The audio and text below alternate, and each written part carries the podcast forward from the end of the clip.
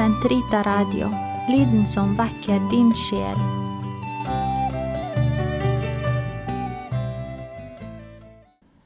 Den katolske kirkes katekisme, torsdag, uke 18, paragraf 1341 til 1347.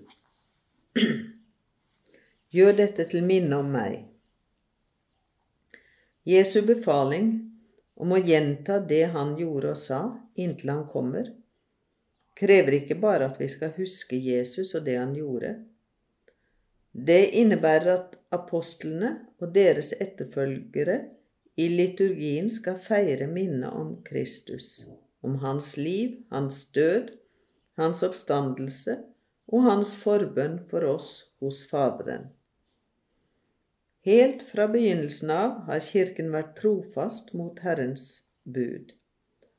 Om Kirken i Jerusalem sies det I tiden som fulgte, fortsatte de trofast å følge apostlenes undervisning, og trofast tok de også del i fellesskapet, i brødsbrytelsen og i bønnene.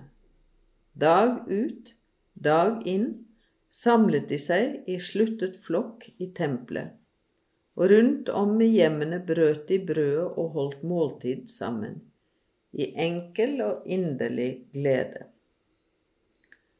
Det var særlig den første dag i uken, det vil si søndag, Jesu oppstandelsesdag, de kristne kom sammen for å bryte brødet. Siden den gang og frem til våre dager har eukaristien fortsatt å bli feiret, slik at vi i dag finner den overalt i kirken, og med samme grunnstruktur. Den er fortsatt midtpunktet i kirkens liv. Fra feiring til feiring, og i det det forkynner Jesu påskemysterium inntil han kommer, går Guds folk på pilegrimsvandring inn gjennom korsets trange port inn til det himmelske måltid, hvor alle de utvalgte benker seg i Guds rike. Den liturgiske feiring av eukaristien. Alle århundrers messe. Alt i det andre århundret finner vi Sankt Justin martyrs vitnesbyrd om hvordan feiringen av eukaristien i store trekk fant sted. Den er forblitt den samme frem til våre dager i alle de store liturgiske familier. Slik skriver han ca. 155 til den hedenske keiser Antoninus Pius for å forklare hva de kristne gjør. På den dag som kalles solens dag, søndag, samles alle de som bor både i byen og på landet, på ett sted. Da blir apostlenes erindringer og profetenes skrifter lest høyt, så lenge tiden tillater det. Deretter, etter at lesningene avsluttes, avsluttet, holder forstanderen en tale hvor han oppfordrer til å etterleve denne gode lære. Deretter reiser vi oss og oppsender bønner for oss selv og for alle andre, hvor de nå måtte befinne seg, slik at vi, som har lært sannheten å kjenne, også i gjerning må være gode og lovlydige borgere, og dermed få del i den evige frelse. Etter å ha avsluttet bønnene hilser vi hverandre med et kyss. Deretter bæres det frem brød og et beger vann og vin til brødrenes forstander.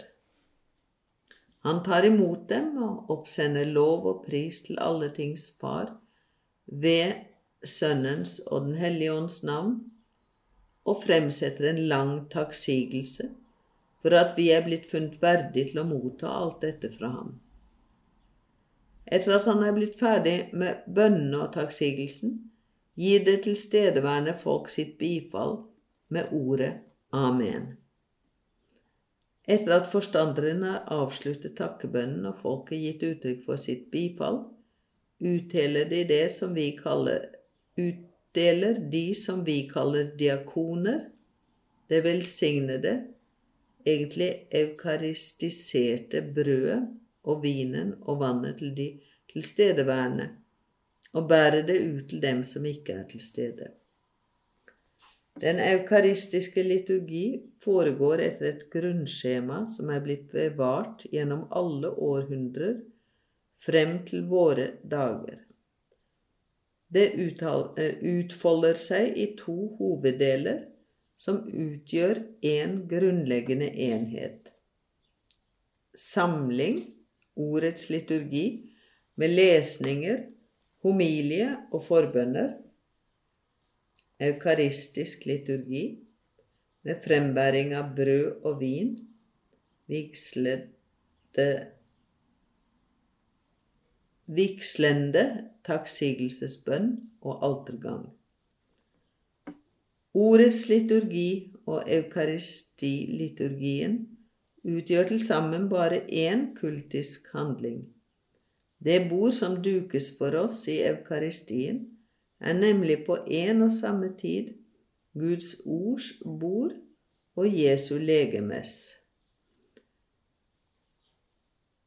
Mon vi her ikke gjenfinner det samme forløp som i det påskemåltid den oppstandende Jesus inntok sammen med sine disipler. Mens de var underveis, utla han Skriftene for dem.